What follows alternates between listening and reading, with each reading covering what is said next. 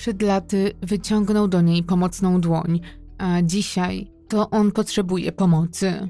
Ciążą nad nim bardzo poważne zarzuty, poparte przekonującymi dowodami. Mecenas Joanna Chyłka nie chce jednak wierzyć, że ksiądz, który w przeszłości okazał jej tyle dobroci, mógłby być zdolny do popełnienia tak ohydnej zbrodni. Bez namysłu podejmuje się jego obrony, chociaż pracujący z nią Kordian ma poważne wątpliwości co do niewinności duchownego. Ta kontrowersyjna sprawa wystawia więc na próbę nie tylko ich relacje, ale także umiejętności prawnicze Joanny, bo niekorzystne dowody piętrzą się, a w sprawę angażuje się też młoda i bardzo ambitna pani prokurator, nazywana przez media chyłką prokuratury. Zarzut to kolejny tom najpopularniejszej w Polsce serii kryminalnej spod pióra genialnego Remigiusza Mroza. To kolejna odważna historia ze świata na granicy prawa i kolejne spotkanie z charakterną chyłką i jej pomysłowym partnerem. Tym razem para prawników stawi czoła sprawie, która porusza te najtrudniejsze tematy i zweryfikuje, czy chyłka słusznie ufa księdzu, którego zna od lat. Jeżeli potrzeba Wam dużej dawki emocji, sięgnijcie koniecznie po zarzut Remigiusza Mroza. Link do księgarni znajdziecie w opisie tego filmu. Tymczasem razem z partnerem dzisiejszego odcinka, wydawnictwem Czwarta Strona Kryminału, zapraszamy na najnowszy odcinek. Sprawa, o której dzisiaj opowiem, to historia o nieustającej walce o prawdę i życiu w stanie zawieszenia. Historia, która przypomina sprawę Andrew Gozdena, Piotra Pietrzaka czy Tomka Deseckiego. Łączy je wspólny mianownik przeczucie, że za wszystkim kryje się jakaś tajemnica.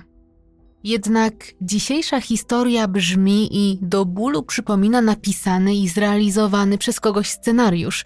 Pytanie, czy aby na pewno jest to przypadek?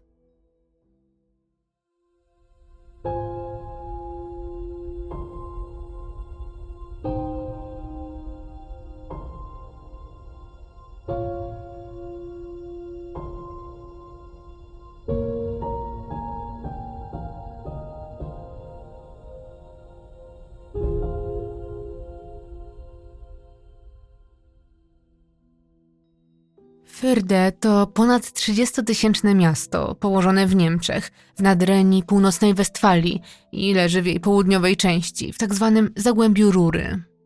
Przez miasteczko przepływają dwie rzeki i to właśnie nadrzeczne tereny, które bogate są w faunę i florę, tworzą kontrast dla typowo industrialnego klimatu tego miasta.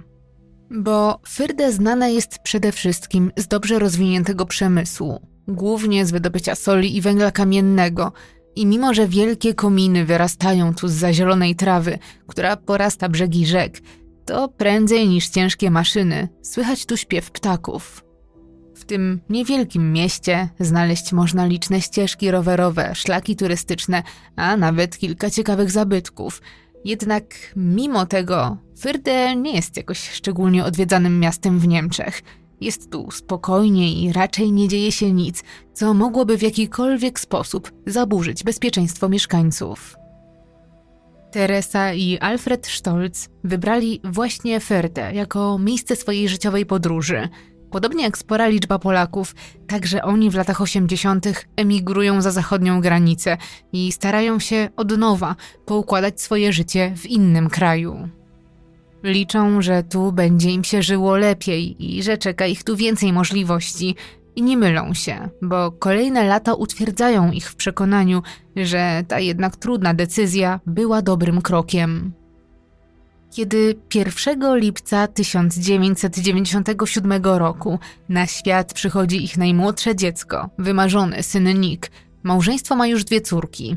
Starszą, dwunastoletnią Ilonę i młodszą, pięcioletnią Jessikę i od wielu lat już na dobre mieszkają w Niemczech. Teraz to już ich nowy dom, w którym od jakiegoś czasu praktycznie cały czas posługują się tylko językiem niemieckim.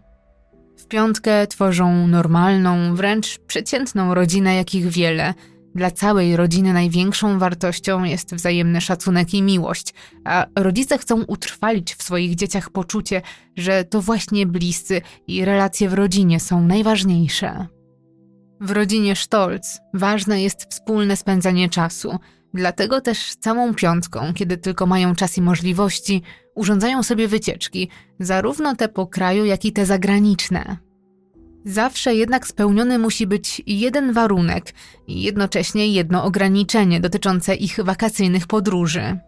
Do miejsca docelowego mogą dostać się jedynie takimi środkami transportu jak samochód, autobus czy nawet statek, ale nigdy nie może to być samolot, bo najmłodszy w rodzinie, Nick, panicznie boi się latać.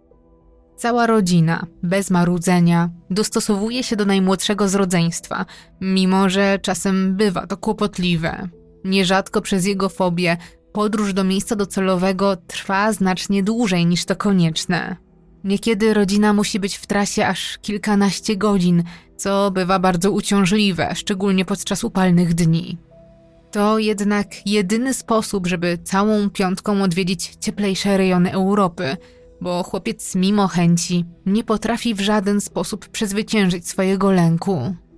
Nie pomaga wsparcie, logiczne tłumaczenie, nic nie dają nawet próby przekupstwa – Nick pozostaje nieugięty, a jego strach przed lataniem wcale nie maleje wraz z tym, jak dorasta, a wręcz przeciwnie, staje się tylko większy. Nie jest to jednak przeszkodanie do pokonania, szczególnie że dzieci państwa Stolz dorastają w atmosferze wsparcia i wzajemnego szacunku. Od małego wiedzą i są uczeni, że zawsze mogą na sobie polegać, chociaż, jak to oczywiście między rodzeństwem bywa, potrafią się ze sobą kłócić i mieć inne zdanie na ten sam temat.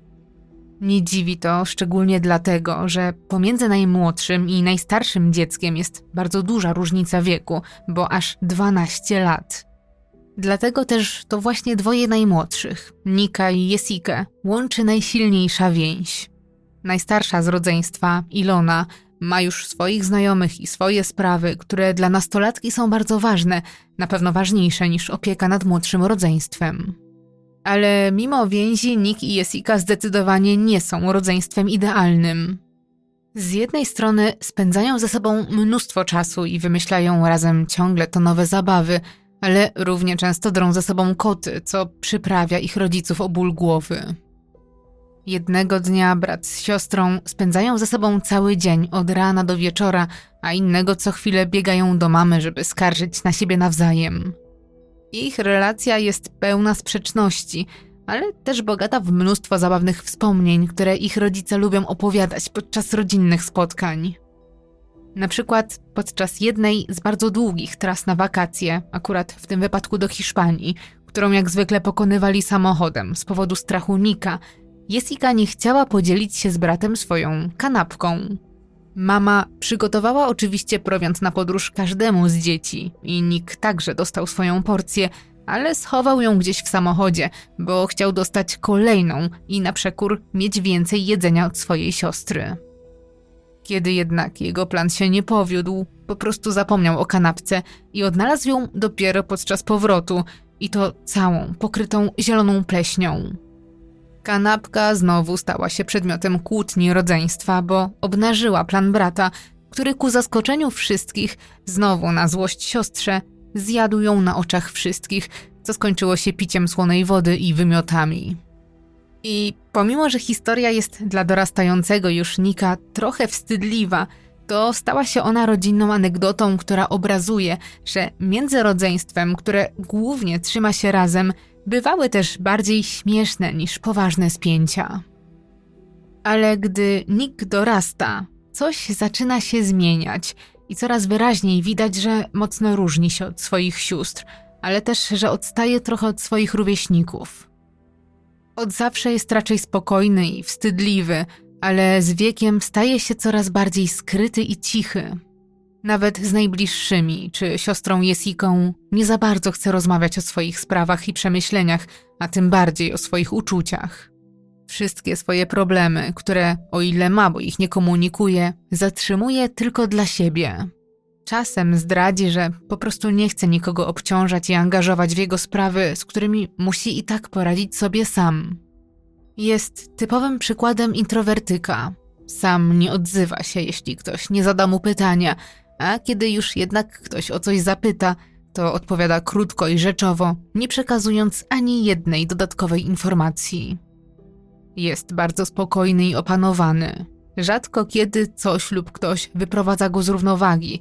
To akurat najczęściej udaje się jego siostrze Jesice, z którą nadal jednak łączy go silna więź. I chociaż okazuje emocje, bo nadal zdarza się, że rodzeństwo się kłóci, to Nick zawsze jest nieco wycofany. To Jessica podczas sprzeczek jest najgłośniejsza i emocjonalna, a brat z kolei prędzej szuka rozwiązania i chce szybko opanować sytuację. Bywają jednak momenty, w których Nick szczególnie pokazuje, że mimo swojego wycofania ma bardzo silny charakter. Jeżeli ktoś już naprawdę mocno zajdzie mu za skórę, to w niczym nie potrafi być tak konsekwentny jak w odgryzaniu się. Prędzej czy później zawsze się odpłaci i często robi to w jakiś niespodziewany i zaskakujący sposób, tak żeby druga strona na długo zapamiętała jego złość. Poza tym, że Nick ma poniekąd swój świat, do którego niechętnie zaprasza innych, to dla swoich bliskich jest wspaniałym młodym człowiekiem. Nie da się nie wspomnieć o tym, że jest ambitny, bardzo pracowity i wspierający. Nigdy nie odmawia nikomu pomocy, nawet jeżeli koliduje to z jego planami i musi je niespodziewanie zmienić.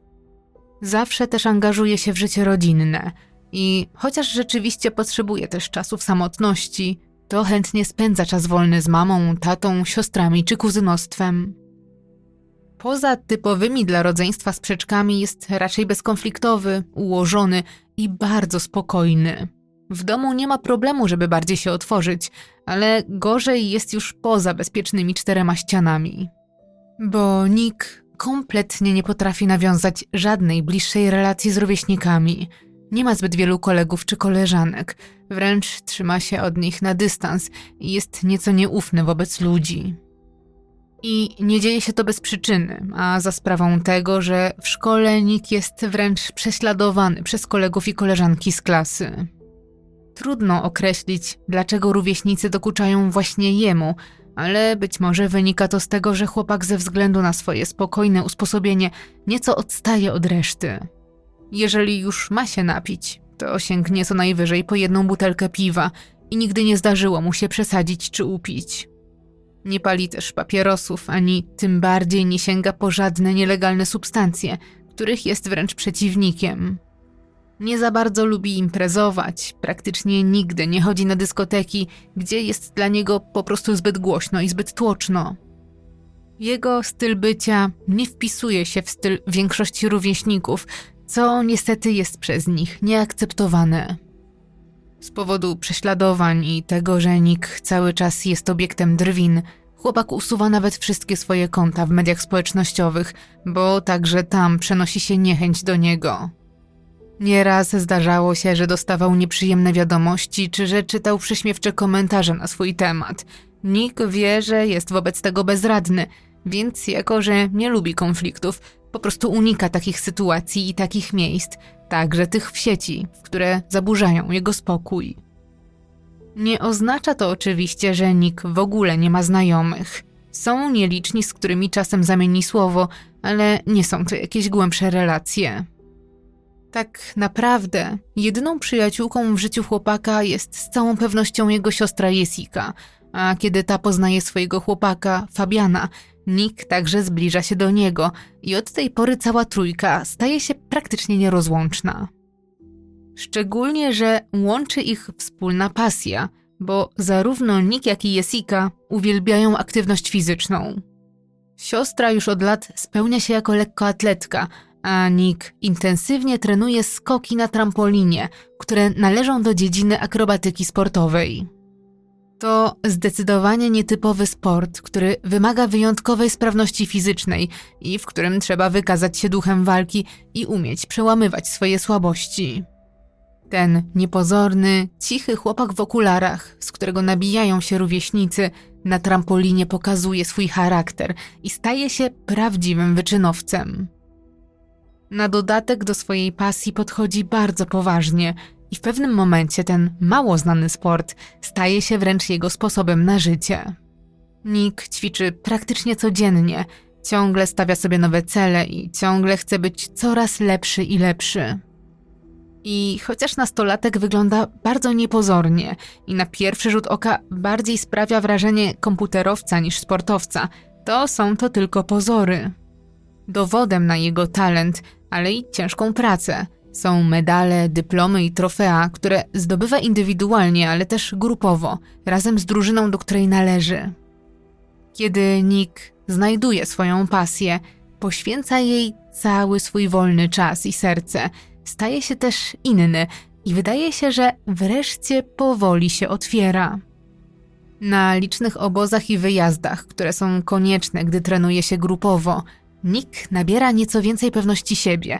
Poznaje ludzi, z którymi godzinami może rozmawiać o swojej pasji, a osiągane przez niego sukcesy upewniają go w tym, że wybrał dobrą drogę i że wbrew temu, co od lat wmawiają mu rówieśnicy ze szkoły, wcale nie jest taki beznadziejny. I zdecydowanie jest to prawda, bo chłopak nie tylko staje się dobrym sportowcem, ale też z bardzo dobrymi wynikami kończy szkołę i od razu dostaje pracę w Duisburg, w dużym niemieckim koncercie ThyssenKrupp, który zajmuje się głównie wydobywaniem węgla kamiennego i produkcją stali nierdzewnej. Co istotne, koncern ma też swój udział w motoryzacji czy rozwoju nowych technologii i praca właśnie w takiej firmie jest bardzo przyszłościowa. Na dodatek Nick zna to miejsce już całkiem dobrze, bo zdobywał tu doświadczenie jeszcze jako uczeń na praktykach i już wtedy wykazywał się dużym zaangażowaniem i ciężką pracą, co właśnie zostało docenione i dzięki czemu dostał etat. Teraz zostaje tu zatrudniony jako mechanik przemysłowy, a z nowym pracodawcą podpisuje długoterminowy kontrakt i to na bardzo korzystnych warunkach. Ale spoczywanie na laurach nie jest w stylu Nika – który chce od życia więcej, dlatego rozpoczyna dualne studium inżynierskie, a ten tryb nauki oznacza, że chłopak będzie jednocześnie pracował i uczył się, a to wszystko za sprawą współpracy uczelni i przedsiębiorstwa, dla którego pracuje. W efekcie Nick, pomimo swojego bardzo młodego wieku i tego, że właściwie jest świeżo upieczonym absolwentem, już na początku swojej drogi w dorosłość ma dobrze płatną i przyszłościową pracę. Stać go na to, żeby całkowicie z własnej kieszeni opłacać wcale nie tanią naukę, a że jest oszczędny i dobrze planuje swój budżet, potrafi zarówno wydawać na swoje zainteresowania i potrzeby, ale też odkładać pieniądze na przyszłość. Nie jest jednak tak, że jest przesadnie skąpy, bo dzięki swoim dobrym zarobkom spełnia marzenia i kupuje sobie nie byle jaki samochód. Nowego, białego Volkswagena Polo GTI który staje się dosłownie jego oczkiem w głowie. Auto zawsze błyszczy, zarówno na zewnątrz, jak i wewnątrz, a Nick potrafi przez wiele godzin dłubać przy nim czy tuningować go według własnego pomysłu i gustu. Samochód staje się jego nową radością i kolejnym hobby. I gdy wszystko toczy się wręcz idealnie i nadchodzi 2017 rok, dzieje się coś, co zaczyna niepokoić dwudziestoletniego Nika. Chłopak zauważa, że coraz częściej po treningach na swoich ukochanych trampolinach zaczyna odczuwać dokuczliwy ból pleców, przez który nieraz musi rezygnować z ćwiczeń, ale który też ogranicza mu codzienne czynności. Nick zaczyna się martwić, że czasem ma wręcz trudności, żeby wstać rano z łóżka. Jest to dla niego na tyle niepokojące, że w końcu udaje się do lekarza specjalisty, który szybko odkrywa, co dokładnie mu dolega. Mimo, że jest w tak młodym wieku, to już teraz ma objawy dyskopatii wielopoziomowej. W niektórych przypadkach może to być bardzo niebezpieczne schorzenie i nie jest wykluczone, że Nick będzie musiał w przyszłości poddać się poważnej operacji, a po niej bardzo długiej rekonwalescencji. Lekarz przekazuje zresztą kolejne, druzgocące wręcz wieści. Informuje Nika, że dla jego własnego zdrowia i sprawności powinien natychmiast zrezygnować z tak ekstremalnego i znacząco obciążającego jego kręgosłup sportu, jakim niewątpliwie jest wyczynowe skakanie na trampolinie. Sportu, który prawdopodobnie odpowiada za jego stan. Słysząc te słowa, Nick czuje, jakby zawalił mu się świat. Do tej pory trenował przecież codziennie, osiągał sukcesy, poznawał ludzi, wreszcie odnalazł coś, co sprawiało mu radość i w czym był naprawdę dobry. Nie może uwierzyć, że to, czym żyje, co daje mu szczęście, nagle z dnia na dzień, jak na pstryknięcie, ma zniknąć z jego życia. Bardzo długo myśli o tym, jak powinien postąpić, Ale w zasadzie nie ma wyjścia, bo tak jak przestrzega go lekarz, dalsze trenowanie może doprowadzić go do trwałego kalectwa. Po prostu musi zrezygnować ze swojej największej pasji i ukochanego sportu, jeżeli chce dalej normalnie żyć. Jego ledwo co nabrana pewność siebie i radość z życia nagle ucieka. Nick, który od zawsze był wycofany, ale zaczął otwierać się na fali swojej nowej pasji, teraz znowu zamyka się w sobie i to jeszcze bardziej niż kiedykolwiek. Nie pomaga też fakt, że obecnie ma dużo wolnego czasu, który wcześniej zapełniony był intensywnymi treningami, a teraz chłopak nie wykorzystuje go w żaden sposób. Czas spędza nie robiąc nic, przestaje wychodzić ze swojego pokoju, niechętnie z kimkolwiek rozmawia. Jego bliscy od razu zauważają te zmiany i zaczynają się martwić o Nika. Rodzice stają wręcz na głowie, żeby na przykład wyciągnąć syna z domu. Sami starają się w jakiś sposób zagospodarować mu czas, zaangażować w zadania czy wyjazdy, ale nikt niekoniecznie jest z tego zadowolony. Wręcz zamyka się w sobie jeszcze bardziej, a starania rodziców w efekcie końcowym przynoszą odwrotny rezultat. Niekiedy wydaje się wręcz, że nikt ma do rodziców pretensje, że na niego naciskają i zmuszają do wychodzenia z domu. Jest zmęczony tym, że ciągle namawiają go na to, żeby poszukał nowego hobby. Czuje się przytłoczony tym, kiedy naciskają, żeby wyszedł do ludzi, poznał kogoś i zaczął po prostu cieszyć się życiem jak każdy przeciętny dwudziestolatek. Ich chęć pomocy odbierana jest przez niego jak pewnego rodzaju atak, a może nawet wchodzenie w jego strefę prywatności, co sprawia, że syn buduje jeszcze wyższy mur wokół siebie. To wszystko jednak wielkie nieporozumienie, bo wcale nie jest tak, że rodzice chcą zmieniać go na siłę. Ich próby wynikają z tego, że znają go, jego skrytą naturę i panicznie wręcz boją się, że uczucie straty i skrzywdzenia może zapędzić go w mroczne rejony umysłu. Starają się wytłumaczyć chłopakowi, że jest jeszcze bardzo młody, a przy tym ambitny, mądry i dobry, i że z pewnością za rogiem czekają na niego inne pasje, których jeszcze nie odkrył. Kiedy Nick przechodzi ten niewątpliwy kryzys, z pomocą przychodzi też nie kto inny jak jego siostra Jessica i jej chłopak Fabian. Jessica i Nick od zawsze byli razem i razem przechodzili przez różne etapy swojego życia.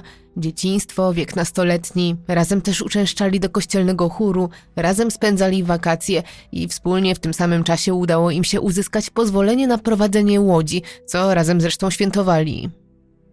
Fabian, chłopak Jessiki, który z czasem stał się częścią rodziny, jest dla Nika jak brat, którego nigdy nie miał, a młodzi mężczyźni rozumieją się ze sobą jak nikt inny. Teraz, od kiedy dwudziestolatek nie może już ćwiczyć skoków na trampolinie, spędza z siostrą i z jej ukochanym coraz więcej czasu.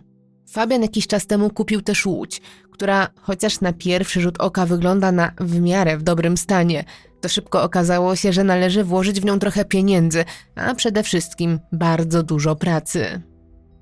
Ale jako, że Nick zawodowo zajmuje się mechaniką, a teraz ma dużo wolnego, sam z siebie zaczyna spędzać z Fabianem długie godziny przy naprawie i renowacji łodzi, co pozwala mu zająć czas i zapomnieć o bolesnym pożegnaniu z pasją.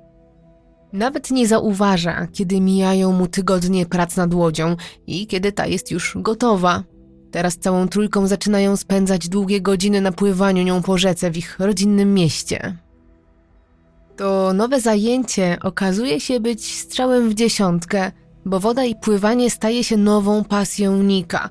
Chłopak odkrywa, że świetnie bawi się jeżdżąc na nartach wodnych i zdaje się, że luka, jaką zostawiły po sobie porzucone marzenia o wyczynowym skakaniu na trampolinach, zaczyna być powoli zapełniana. Jeszcze mocniej zaczyna się też wyostrzać to, że Nick jest chyba specyficzną osobą – Mimo, że ma spokojne usposobienie i nadal jest wycofany, to życie i jego wybory jasno pokazują, że wyjątkowo ciągnie go do sportów ekstremalnych i adrenaliny. Być może w jakiś sposób pozwala mu to uwolnić się od wszystkich gromadzonych i skrzętnie ukrywanych emocji. Wydaje się, że Nick po odejściu z drużyny sportowej i rezygnacji ze swojej pasji nieco podniósł się z dołka, w którym się znalazł, gdy kończy się 2018 rok, Nadal ma świetną pracę, nadal dobry kontakt z bliskimi, a teraz nowe hobby, ale mimo tego ciągle zdarzają się momenty, kiedy jego zachowanie znowu na poważnie niepokoi jego rodzinę. Od kiedy Nick swój wolny czas poświęca na pielęgnowanie swojego auta i pływanie łodzią czy na nartach wodnych, nie ma już praktycznie żadnych znajomych. Jedynymi osobami, z którymi teraz utrzymuje kontakt są rodzice, jego siostry i Fabian. Nick nie ma też ani nigdy nie miał żadnej dziewczyny i wręcz niekoniecznie sprawia wrażenie, jakby w ogóle był zainteresowany związkiem i relacjami romantycznymi. Jego życie ściśle ogranicza się teraz jedynie do pracy, nauki i kontaktu z najbliższymi, co sprawia, że znowu coraz rzadziej wychodzi z domu. W związku z tym pojawiają się te same spięcia co już rok temu, tuż po diagnozie. Rodzice znowu naciskają na syna i próbują zmotywować go do zmian. Namawiają go na wyjścia towarzyskie z kimś innym niż siostrą i jej chłopakiem. Zaczynają też nieśmiało wspominać, że skoro jest już dorosły i ma na to finanse, to może najwyższy czas, żeby znalazł własne mieszkanie. W tych sugestiach bynajmniej nie chodzi o to, że rodzicom przeszkadza jego obecność w domu. Raczej mają wrażenie, że być może samodzielne mieszkanie nieco zmieni Nika. Da mu przestrzeń do wyrażania siebie, pozwoli zasmakować samodzielności i być może trochę odmieni jego postrzeganie świata, które wyraźnie jest teraz na granicy świata dziecięcego i świata osoby dorosłej. Ale Nick wcale nie ma ochoty na żadne zmiany. Złości się, gdy tylko słyszy o coraz to nowych propozycjach rodziców. Ostatnio coraz częściej dochodzi między nimi do sprzeczek i wydaje się, że atmosfera w domu staje się napięta bardziej niż kiedykolwiek. Każde próby rozmowy o nim, o jego sytuacji życiowej, już na starcie są skazane na porażkę. Dochodzi nawet do tego, że w Wigilię nikt nie ma zamiaru usiąść ze wszystkimi przy jednym stole. Rodzina usilnie stara się wyciągnąć go z pokoju i namówić na wspólną kolację. Rozmawiają i przekonują, że takich świąt nie powinno się spędzać samemu, ale Nick upiera się i finalnie stawia na swoim, co boli zarówno jego rodziców, jak i jego siostry. Nie lepiej jest kilka dni później, podczas świętowania Nowego Roku. I ten dzień chłopak spędza sam, zamknięty w swoim pokoju. Widać gołym okiem, że coś się dzieje, ale nikt nie ma ochoty na dialog, ani tym bardziej nie ma zamiaru wyjawiać powodu swojego zachowania. Bliscy czują się bezradni i rozdarci, bo z jednej strony za wszelką cenę chcą wiedzieć, co takiego dzieje się w jego głowie, może wtedy potrafiliby mu pomóc, ale z drugiej strony czasami odnoszą wrażenie, że chyba przekraczają pewne granice i że już za bardzo naciskają. Mają już poczucie, że czegokolwiek by nie zrobili, to i tak będzie źle, bo przecież Nick jest już dorosły i sam najlepiej wie, co jest dla niego odpowiednie, a przynajmniej na pewno właśnie tak myśli.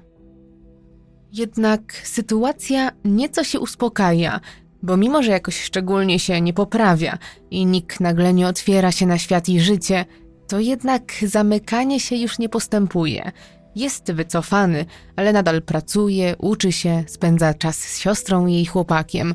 W zasadzie bez większych zmian mijają miesiące i nadchodzi 28 września 2019 roku.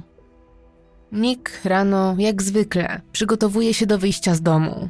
Jak co weekend rusza na zajęcia w swojej szkole, do oddalonej o około 40 km miejscowości Essen. W łazience, kiedy akurat Nick myje zęby, wpada na niego siostra Jessica.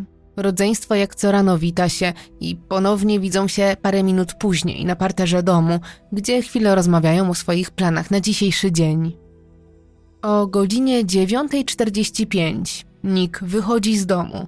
Jeszcze przed wyjściem zarzuca na siebie plecak i żegna się ze wszystkimi, jednak po około 20 minutach wraca, a drzwi otwiera mu jego mama, Teresa. Chłopak wygląda na zabieganego. Wymija swoją zdezorientowaną mamę i od razu zaczyna wspinać się po schodach na piętro. Pędzi tak do swojego pokoju, a po drodze dla wytłumaczenia krzyczy tylko za sobą, że czegoś zapomniał. Chociaż ani Jessica, ani Teresa nie widzą nigdzie białego samochodu Nika, to słyszą jego charakterystyczne buczenie nieopodal domu. Trochę je to dziwi, że spóźniony i ewidentnie śpieszący się gdzieś chłopak nie wjechał na podjazd, a zostawił odpalony samochód gdzieś na uboczu. Jednak nawet nie mają czasu, żeby głębiej się nad tym zastanowić, bo sekundę później Nick wychodzi już z pokoju i znowu w biegu kieruje się do wyjścia. I chociaż wygląda jakby był mocno spóźniony, mama wciska mu jeszcze w rękę worek na śmieci, który trzeba wyrzucić, a syn bez dyskusji zabiera go ze sobą i ponownie opuszcza dom. Sobota nadal trwa i nadchodzi popołudnie. Dzisiaj w domu rodziny nie dzieje się nic nadzwyczajnego. Każdy poza Nikiem ma wolne i zajmuje się swoimi codziennymi sprawami. Trwają sobotnie porządki i cotygodniowe pranie, a Teresa zabiera się do gotowania obiadu.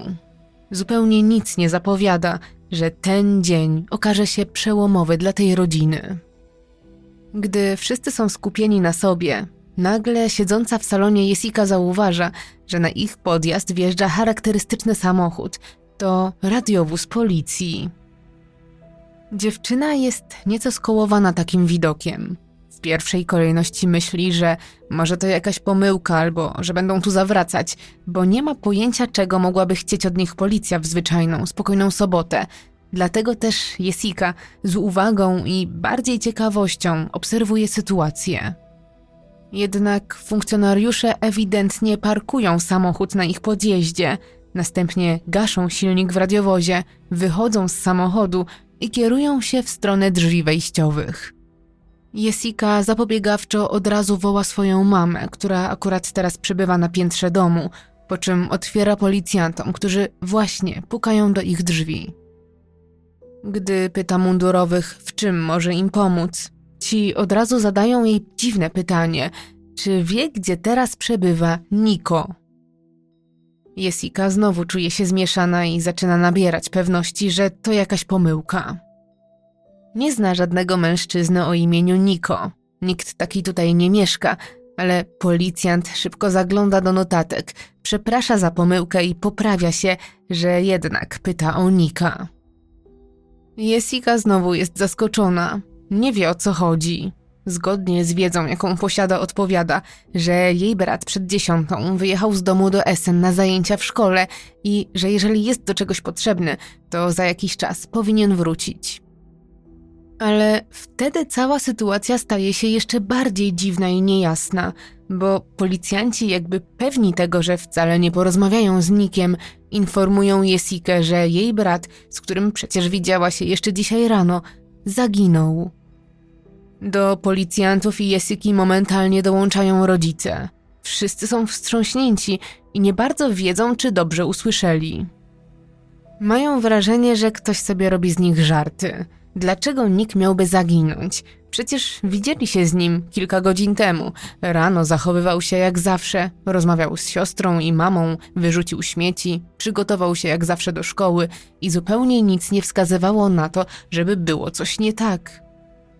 Poza tym, skąd policja ma wiedzę, że nikt w ogóle zaginął? Ktoś musiał ich o tym poinformować, a z całą pewnością nie był to nikt z nich. Rodzice Nika i jego siostra zaczynają wypytywać i wręcz zasypywać policjantów pytaniami. Coraz bardziej czują, że chyba zaszła jakaś pomyłka, ale trudno to wyjaśnić, bo mundurowi, ze względów na ochronę danych osobowych, nie chcą zdradzić nazwiska osób, które zgłosiły jego zaginięcie. Przekazują rodzinie jedynie szczątkowe informacje, które i tak jeżą włos na głowie bliskich. Dzisiaj, około godziny 13, na posterunek policji w oddalonym o około 150 km Aachen wpłynęło zawiadomienie od pewnej zaniepokojonej kobiety. Zeznała, że przed południem pod jej domem, w którym mieszka ze swoją córką, pojawił się młody mężczyzna. Chłopak ten położył pod drzwiami jej domu paczkę razem z listem, następnie zadzwonił do dzwonka i nie czekając aż ktoś podejdzie, po prostu oddalił się. Gdy kobieta otworzyła drzwi, młody mężczyzna znikał już za rogiem. Zdezorientowana, nie wiedząc o co chodzi, wzięła paczkę i otworzyła list, którego treść brzmiała bardzo niepokojąco. Hej, Wiem, że jest trochę za wcześnie, ale potraktuj to jako prezent urodzinowy. Jeżeli chcesz, możesz zatrzymać GTI, ale najlepiej sprzedaj go. Oryginalne felgi oddałem do czyszczenia piaskowego i niestety nie są jeszcze gotowe. Powinny być niedługo dostarczone. Jesteś wspaniałą dziewczyną i życzę ci wszystkiego co najlepsze. Podpisano Nick. Kobieta od razu zorientowała się, że to list do jej córki, Wiki, ale nic nie było tu zwyczajne. Sama treść wiadomości, w połączeniu z tym, co zostawił chłopak, od razu wydała jej się bardzo niepokojąca. W paczce, oprócz tej skromnej notatki, znajdowało się także 10 tysięcy euro w gotówce, a także dokumenty i kluczyki do samochodu. Gdy kobieta wyszła przed dom, żeby zobaczyć, czy nie jest to przypadkiem jakiś nieśmieszny żart, rzeczywiście zobaczyła tam zaparkowane białe polo, a w nim odkryła jeszcze komputer i konsolę do gier. Wszystko to, zgodnie z tym, co napisane było w liście, pozostawione dla jej córki. Kobieta wystraszyła się nie na żarty, ponieważ wszystkie te przedmioty i list przypominały pewnego rodzaju pożegnanie, dlatego natychmiast zawiadomiła policję. Rodzina chłopaka, słysząc to, jest w szoku. Czują się jak bohaterowie jakiegoś filmu i nie mają pojęcia, co się tutaj dzieje. Zaniepokojeni od razu wpuszczają do domu policjantów, którzy dokładnie przeszukują pokójnika w poszukiwaniu jakichś wskazówek. Nie znajdują jednak niczego, co zdradzałoby, dlaczego chłopak zachował się tak dziwnie, a wręcz pytania tylko się mnożą, bo na biurku odkrywają dwie karty SIM, obie na numery, z których korzystał 21-latek. Te leżące na biurku karty potwierdzają tylko to, czego można się było domyślić. Telefon chłopaka nie odpowiada i nie da się z nim skontaktować. Policjanci razem z bliskimi przeglądają więc rzeczy osobiste teraz już zaginionego, ale odnotowują, że z jego pokoju właściwie nie zniknęło nic poza tym, co zostawił w porzuconym samochodzie. Są tu wszystkie jego ubrania, bielizna, szczoteczka do zębów i inne przedmioty osobiste. Z tego, co zostawił w domu, absolutnie nie wynika, że planował jakiś wyjazd. Teraz skołowani są zarówno bliscy, jak i policja. Mundurowi chcą zobaczyć nagrania z kamery, która zamontowana jest przy drzwiach wejściowych domu zaginionego i jego rodziny. Może tam zauważą jakiś szczegół, który naprowadzi ich na trop. Kiedy przeglądają nagranie, funkcjonariuszom praktycznie od razu rzuca się w oczy pewien szczegół. Nick, wychodząc, miał na swoich plecach ciemny plecak, ale takiego przedmiotu z całą pewnością nie odnaleziono ani w paczce, ani w porzuconym samochodzie, co wskazuje, że najprawdopodobniej nadal ma go przy sobie. Jest coś jeszcze. Policjanci zauważają, że na nagraniu Nick w momencie, kiedy po raz drugi wychodzi z domu, korzysta ze swojego telefonu komórkowego i wygląda to wręcz tak, jakby pisał do kogoś wiadomość. Ale przecież jego karty zostały na biurku. Czy więc Nick kupił kartę do telefonu z innym numerem i nikomu o tym nie powiedział? Gdy na jaw wychodzą te fakty o plecaku i telefonie, policja momentalnie zaczyna się dystansować i coraz mniej wnikliwie przyglądać się sprawie.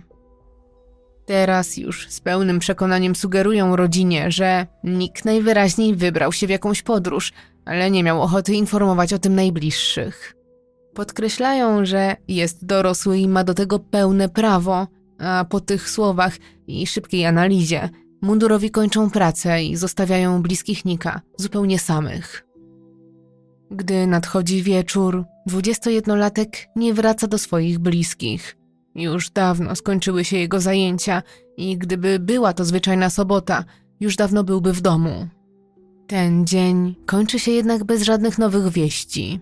Nadchodzi noc, która dla Jesiki i jej rodziców jest bezcenna. W głowach najbliższych pojawia się wiele pytań, które pozostają jednak bez odpowiedzi. Czy Nick naprawdę uciekł, czy może mogą spodziewać się najgorszego? Co jeśli za jakiś czas policja ponownie stanie w drzwiach ich domu i powie im, że właśnie odnaleźli ciało? Czy i jak mogą mu pomóc? Jak odwieść go od tych strasznych planów, albo gdzie w ogóle go szukać? A może to wszystko wręcz przeciwnie. Głupi wybryk albo zły sen. Może po weekendzie, jak gdyby nigdy nic, chłopak wróci do domu. Pojawiają się jeszcze inne pytania. Kim jest rodzina, która zgłosiła zaginięcie Nika i dlaczego chłopak postanowił zostawić jakiejś obcej dziewczynie swój ukochany samochód, dużą sumę pieniędzy, komputer i konsolę? Dlaczego zrobił to w tak dziwny sposób, nie tłumacząc absolutnie niczego? Czy ta dziewczyna była dla niego tak ważna? A jeżeli tak, to dlaczego nikt z jego bliskich nie miał pojęcia o jej istnieniu? Jest poranek kolejnego dnia. To niedziela 29 września. Nick, wbrew nadziejom, nie wraca do domu na noc i nie kontaktuje się z nikim z bliskich. Jego siostra, Jessica, przez całą noc nie zmrużyła oka. Martwi się o brata, ale też o to, co dalej, bo już po ostatnim kontakcie z policją widać było, że nie chcieli na poważnie zająć się sprawą. W związku z tym dziewczyna bierze sprawę we własne ręce i już z samego rana zaczyna przeszukiwać internet. Szuka informacji na temat tego, co zrobić w przypadku zaginięcia i gdzie szukać ewentualnej pomocy, gdy policja nie jest zaangażowana.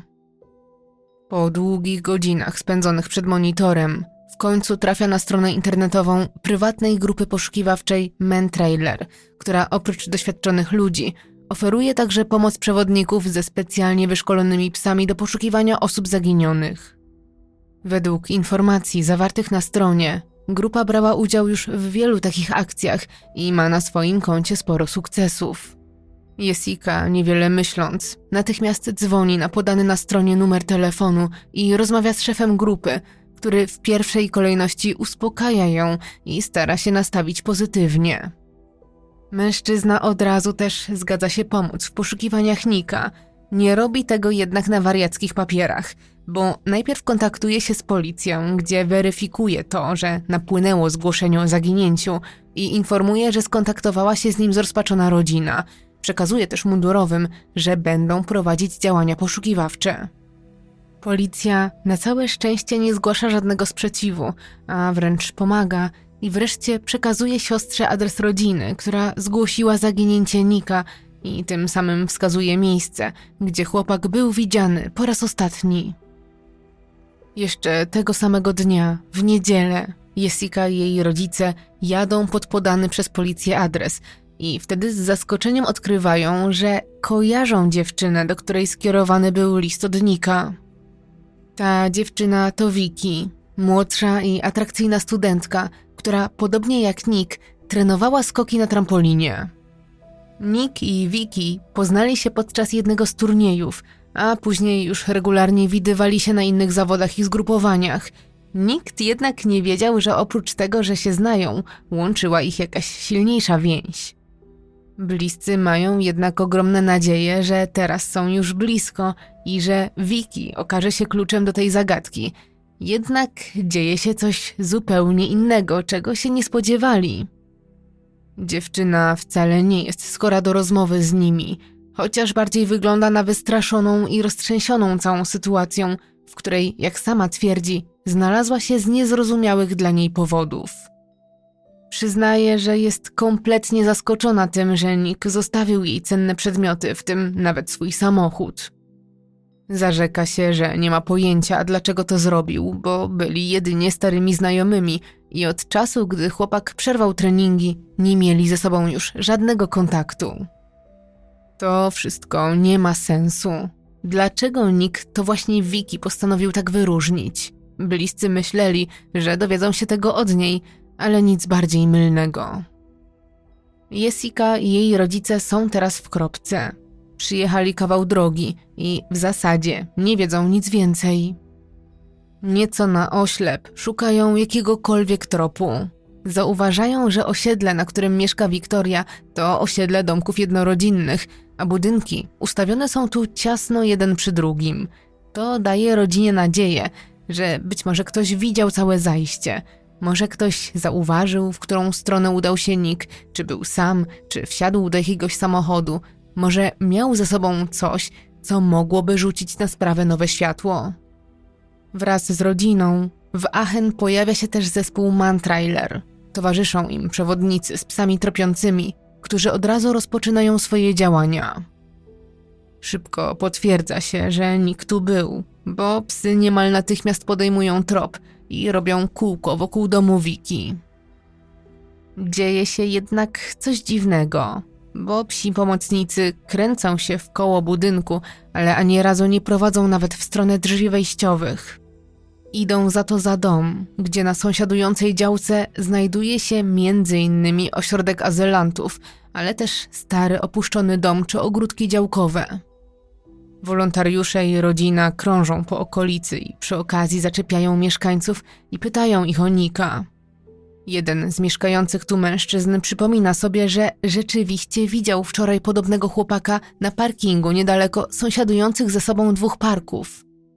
Na miejsce od razu rusza rodzina razem z jednym z przewodników z psem, który rzeczywiście łapie trop. Pies prowadzi wszystkich w głąb parku, na plac zabaw, gdzie szczególną uwagę zwraca na zadaszony i zakryty element konstrukcji, co może sugerować, że Nick spędził tu noc. Na tym jednak nie kończy się reakcja psów, bo kolejny łapie te same tropy, ale prowadzi też w stronę okolicznego cmentarza. Wszystko wygląda więc tak, jakby Nick zatoczył koło wokół domu Wiktorii i przez dłuższy czas kręcił się po okolicy. Mimo początkowego zdystansowania się, tego samego dnia w Aachen działania z psami tropiącymi podejmuje także policja, jednak nie informuje rodziny o wynikach swojej pracy, co według nich oznacza, że policji najpewniej nie udało się niczego ustalić.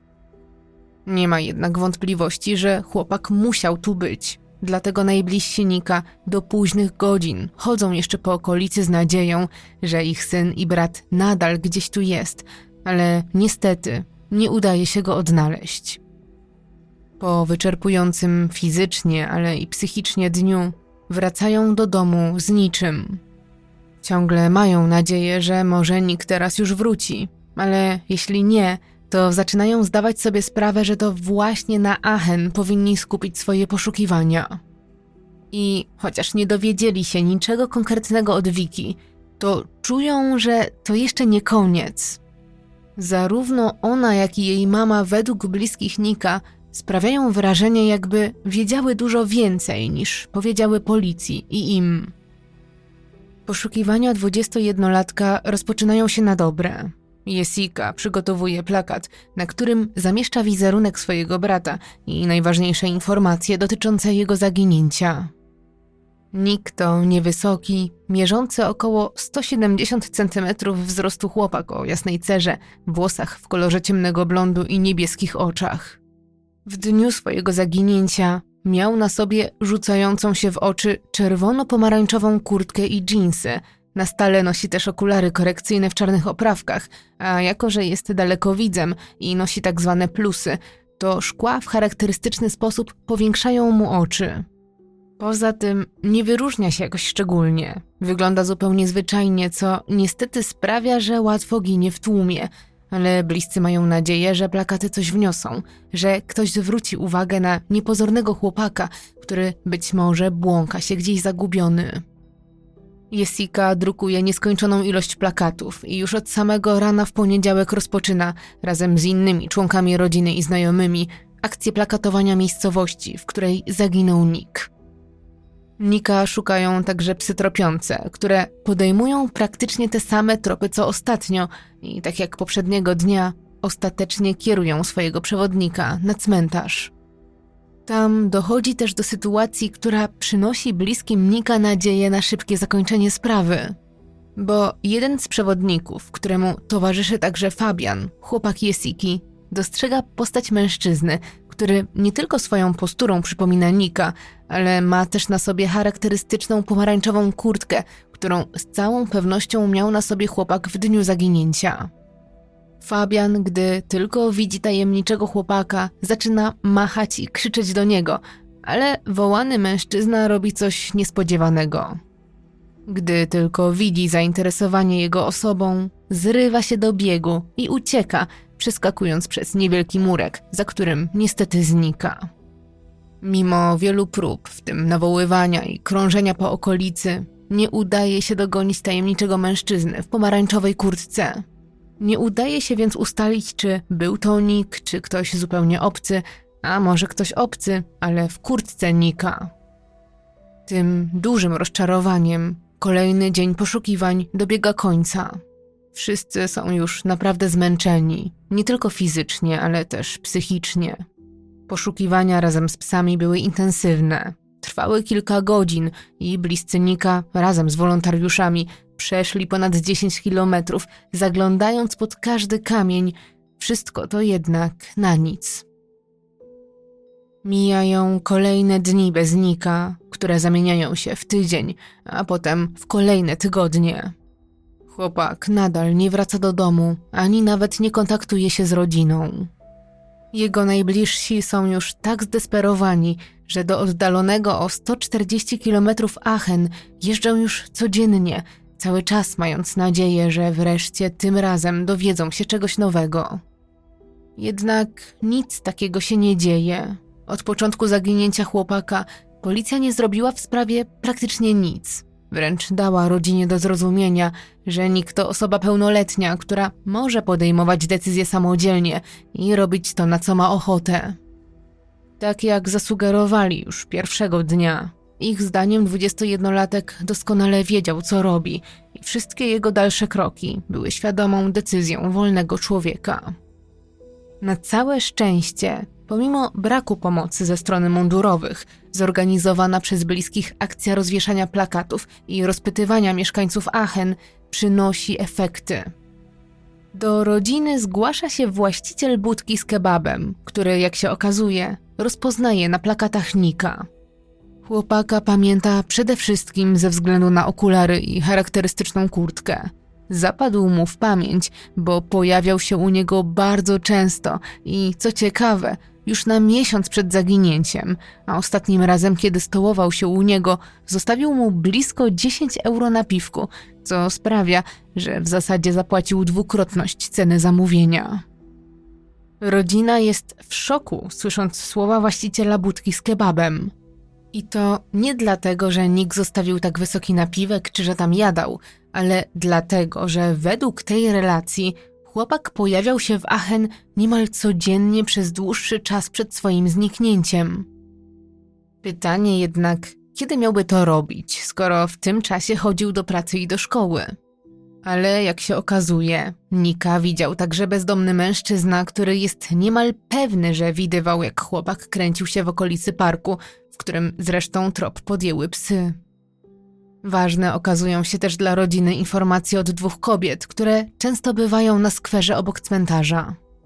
Niezmiennie od kilku lat wyprowadzają tu swoje psy i obydwie kobiety są niemal na 100% pewne, że także w poniedziałek, czyli dwa dni po tajemniczym zaginięciu, widziały tu młodego, niewysokiego mężczyznę ubranego w charakterystyczną pomarańczową kurtkę, który nosił też okulary w ciemnych oprawkach. Według ich relacji siedział samotnie na jednej z ławek i wydawał się być czymś zmartwiony, a może wręcz przygnębiony. Jednak obecność dwóch psów nieco poprawiła mu humor. Chłopak pogłaskał zwierzęta i chwilę się z nimi pobawił, zamienił kilka słów z kobietami, po czym on został na ławce, a one poszły w swoim kierunku. Wszyscy od razu przypominają sobie dziwną sytuację z cmentarza. Może mężczyzna, do którego wołał Fabian, jeden z członków grupy poszukiwawczej, był faktycznie Nikiem. Teraz mają przecież kolejny dowód na to, że być może poszukiwany 21-latek był widziany w okolicy. Wszyscy, także bez wyjątku, zwracają uwagę na charakterystyczną, rzucającą się w oczy kurtkę, a to przecież nie może być przypadek. Zbierając te informacje w jedną spójną całość, grupa Mantrailer i bliscy Nika dochodzą do wniosku, że prawdopodobnie chłopak był w Aachen zarówno przed, jak i po zaginięciu i że prawdopodobnie nocował tu na miejscu, może gdzieś w parku, tam gdzie przecież także psy odnajdywały trop. Okazuje się też, że przez te wszystkie dni rozwinął się także wątek związany z Wiki, dziewczyną, która pod drzwi otrzymała dziwną przesyłkę. Rodzina zaginionego wciąż jest przekonana, że dziewczyna i jej mama nie mówią prawdy, a wynika to z kilku powodów. Przede wszystkim przez cały czas, gdy trwała akcja poszukiwawcza w okolicy, ani koleżanka, ani jej rodzina zupełnie nie angażowali się w pomoc, ani też nie chcieli z nikim rozmawiać na temat zaginięcia. Pojawiły się też pewne nieścisłości. Mama Wiki twierdzi, że widziała jak Nick znika za rogiem po podrzuceniu paczki, także policji zrelacjonowała, że chociaż widziała go od tyłu, to jest pewna, że był to on. W taką wersję nie wierzą jednak bliscy, bo Nick od jakiegoś czasu nosił znacznie dłuższe włosy niż zazwyczaj, zapuszczał je i właściwie to nie ścinał ich od kilku miesięcy, przez co wyglądał zupełnie inaczej.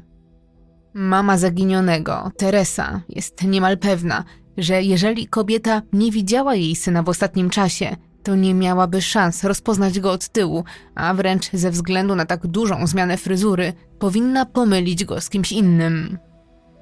Mama chłopaka przypomina sobie coś jeszcze, co znowu tworzy mur pomiędzy poszukującymi a ostatnimi osobami, które widziały zaginionego.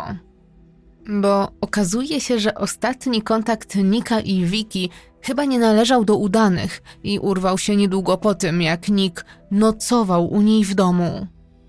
Nastolatek miał wtedy 18 lat i w weekend po prostu wyszedł ze swojego domu, nie informując nikogo, dokąd się udaje i kiedy wróci. Mimo, że był już pełnoletni, mama Nika była bardzo zmartwiona. Próbowała się z nim za wszelką cenę skontaktować, ale syn nie odpowiadał na jej telefony. To był pierwszy i aż do obecnego zniknięcia właściwie ostatni raz, kiedy Nick postąpił w ten sposób. Tamta sprawa jednak szybko się wyjaśniła, bo nastolatek, jak gdyby nigdy nic, do domu wrócił następnego dnia. Zmartwieni rodzice od razu poprosili o wyjaśnienie, a syn wytłumaczył wtedy, że był u swojej znajomej na piżama party i że była to właśnie Wiki. Co ciekawe, to wydarzenie pamięta także mama dziewczyny, ale wspomina je nieco inaczej. Jej zdaniem Nick rzeczywiście pojawił się wtedy u nich w domu, ale jego wizyta była zupełnie niespodziewana. Miał rzekomo wręcz wprosić się do nich na noc, a ponieważ Wiki nie była zbytnio zadowolona z takiego obrotu sprawy, to zaprosiła jeszcze jedną koleżankę do towarzystwa, żeby było jej raźniej i żeby nie była sam na sam z kolegą. Ale Jessica, siostra Nika, nie wierzy w taką wersję i wydaje jej się ona wręcz nieprawdopodobna. Takie wproszenie się do kogoś, tym bardziej do dziewczyny i to jeszcze na noc, nie pasuje do charakteru jej brata, który od zawsze był wycofany i wstydliwy. Za to mama Nika zwraca uwagę na to, że przecież gdyby jej syn faktycznie pojawił się w domu Wiki jako nieproszony gość, to ona na miejscu mamy piętnastoletniej wtedy dziewczyny po prostu wyprosiłaby kolegę z domu. Skoro jednak pozwoliła mu zostać, to może jednak nie było żadnych przeszkód. Im dłużej bliscy zastanawiają się, o co chodzi w tym zaginięciu i dziwnym zachowaniu poprzedzającym zniknięcie, tym bardziej uświadamiają sobie, że rola Wiki i jej rodziny wydaje się być co najmniej niejasna. Skoro Nick rzekomo nie miał z Wiki kontaktu od bardzo dawna, to dlaczego swoje najcenniejsze przedmioty zostawił akurat jej? Przecież już od lat miał przy swoim boku osoby, które były mu znacznie bliższe, jak siostra Jessica czy jej chłopak Fabian. To po prostu nie ma sensu. Dlaczego obdarował obcą dziewczynę, a nie naprawdę najbliższe osoby? To pytanie, chociaż wybrzmiewa bez końca, to pozostaje bez odpowiedzi, a rodzice Wiki z każdym dniem wydają się wycofywać z jakiegokolwiek kontaktu i wręcz stają się wrogo nastawieni wobec zrozpaczonej i już zdesperowanej rodziny. Ale pani Teresa nie odpuszcza. Po ponad dwóch tygodniach od zaginięcia ponownie pojawia się w domu dziewczyny i chce koniecznie z nią porozmawiać. Otwiera jej jednak nie Wiki, a już jej mocno poirytowana mama, która nie pozwala dojść córce do słowa i na wszystkie pytania odpowiada za nią. Znowu jest to pusta rozmowa, która do sprawy nie wnosi nic, bo na większość pytań kobieta i tak odpowiada tylko półsłówkami. Pani Teresa, gdy widzi, że nic nie wskóra, prosi także mamę Wiktorii, żeby oddała jej samochód syna i wszystkie rzeczy, które podarował jej córce. Bardzo zależy jej też na tym, żeby odzyskać 10 tysięcy euro, które jej syn tak lekką ręką porzucił. Chce przeznaczyć całą sumę na pomoc prywatnego detektywa, który być może pomoże im dotrzeć do Nika, skoro nie mają wsparcia ze strony policji. Teresa podkreśla jednocześnie, że zupełnie nie zależy im na dobrach materialnych, ale w tym momencie potrzebny jest każdy grosz, bo prywatni detektywi za samo rozpoczęcie swojej pracy zażądali od rodziny 5 tysięcy euro, a za wszystkie kolejne dni czy poszczególne działania wyznaczają kolejne niemałe sumy. Także codzienne podróże do Aachen, drukowanie plakatów, opłacenie grupy z psami i zaniedbywanie własnej pracy to wszystko nadszarpnęło już i tak napięty budżet rodziny, a dalsze poszukiwania przyniosą z pewnością o wiele więcej wydatków. Bliscy Nika uważają, że te pieniądze po prostu powinny być przekazane na jego poszukiwania, zwłaszcza, że nieznany jest jego los, a także jego stan psychiczny. Jednak rodzina Wiki nie ma zamiaru oddawać ani pieniędzy, ani samochodu czy pozostałych prezentów. Wręcz robią coś, czego zupełnie nie spodziewa się zrozpaczona rodzina. Idą do adwokata, a później także na policję, gdzie skarżą się na rodziców Nika. Zarzucają im, że są nachodzeni i nękani. Ojciec Wiki, który jest po rozwodzie z jej mamą, ale mieszka zaledwie 300 metrów dalej, jest szczególnie nieprzyjemny. Dosłownie przegania zrozpaczoną rodzinę, a nawet mówi wprost, że przecież nikt zostawił rzeczy i list pożegnalny i że na pewno już nie żyje. Mimo braku pomocy, mama Wiki sama przyznaje, że jej były mąż jest człowiekiem wyjątkowo niemiłym i że miała powody, żeby od niego odejść, a kontakty z nim utrzymuje jedynie ze względu na swoją córkę, czym jasno zaznacza, że chociaż nie odda rzecznika, to odcina się od słów byłego męża. Jednak nadal nic to nie wnosi, bo mijają kolejne dni, które przypominają już bezradne odbijanie się od ściany. Jessica robi co może, żeby trafić na jakikolwiek trop swojego brata i próbuje poskładać wszystkie informacje w jedną całość. Kiedy zaczyna rozpytywać o Nika także w miejscu jego pracy, sytuacja staje się z jednej strony jeszcze bardziej dziwna i skomplikowana, a z drugiej te rozsypane puzzle zaczynają powoli składać się w spójny obraz. Bo teraz na jaw wychodzi, że Nick już pod koniec sierpnia złożył wypowiedzenie w swojej pracy. Jak dowiaduje się, zszokowana tymi wieściami siostra, już na miesiąc przed zaginięciem nie pojawiał się w niej i zrezygnował także z nauki w szkole. Mieszkający z Nikiem siostra i rodzice nie mogą w to uwierzyć. To brzmi jak jakiś sen. Nick wychodził przecież z domu codziennie, wstawał rano, zarzucał plecak i mówił, że idzie do pracy. Zdarzało się nawet, że wychodził na nocne zmiany, a w weekendy jeździł także na zajęcia. Rodzina jest w szoku. Nie mogą uwierzyć, że ich syn i brat tak długo i skutecznie ich oszukiwał. Zaczynają też zdawać sobie sprawę, że właściciel budki z kebabem zdecydowanie mógł mówić prawdę, co wcześniej przecież odrzucali. Myśleli, że ze względu na pracę i szkołę i to, że sami byli świadkami, że prowadzi normalny tryb życia, niemożliwym jest, by Nick przyjeżdżał prawie codziennie do Aachen. Teraz jednak okazuje się, że miał na to czas, a oni tygodniami dawali się nabrać. Rodzi się więc pytanie, co chłopak robił dzień w dzień w oddalonym o 140 km od domu mieście? Dlaczego porzucił wszystkie obowiązki, karierę, szkołę i spędzał dni właśnie tam?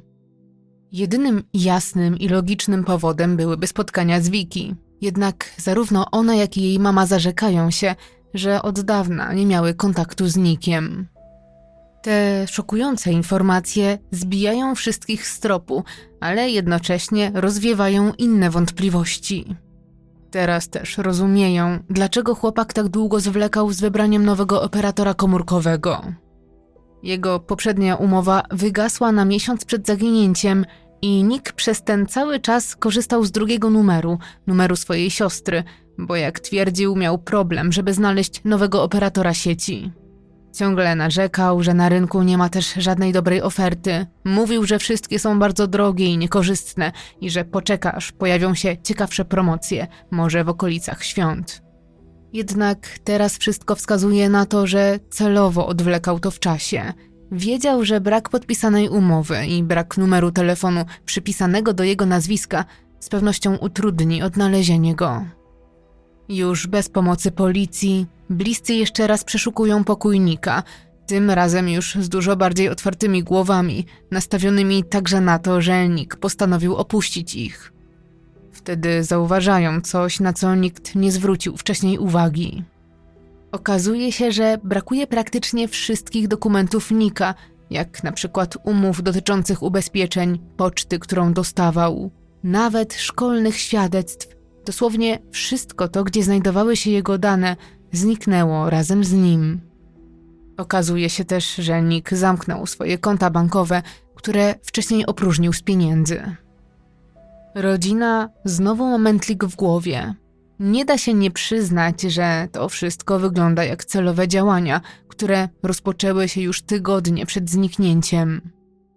W związku z tym bliscy wytężają umysły i starają się przypomnieć sobie każdy szczegół, który teraz może okazać się istotny.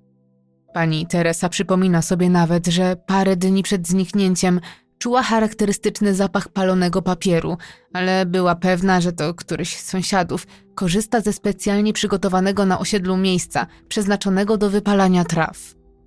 Teraz bliscy zastanawiają się, czy Nick zabrał ze sobą wszystkie dokumenty, czy może jak bardziej podejrzewa jego mama, spalił wszystko. Po co jednak miałby to robić?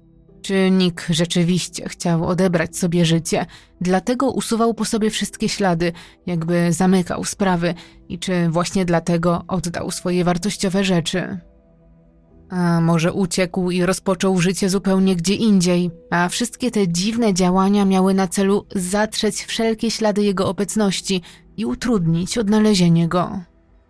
Rodzice i siostry zaczynają się też zastanawiać, czy istnieje możliwość, że ktoś mógł chcieć skrzywdzić Nika.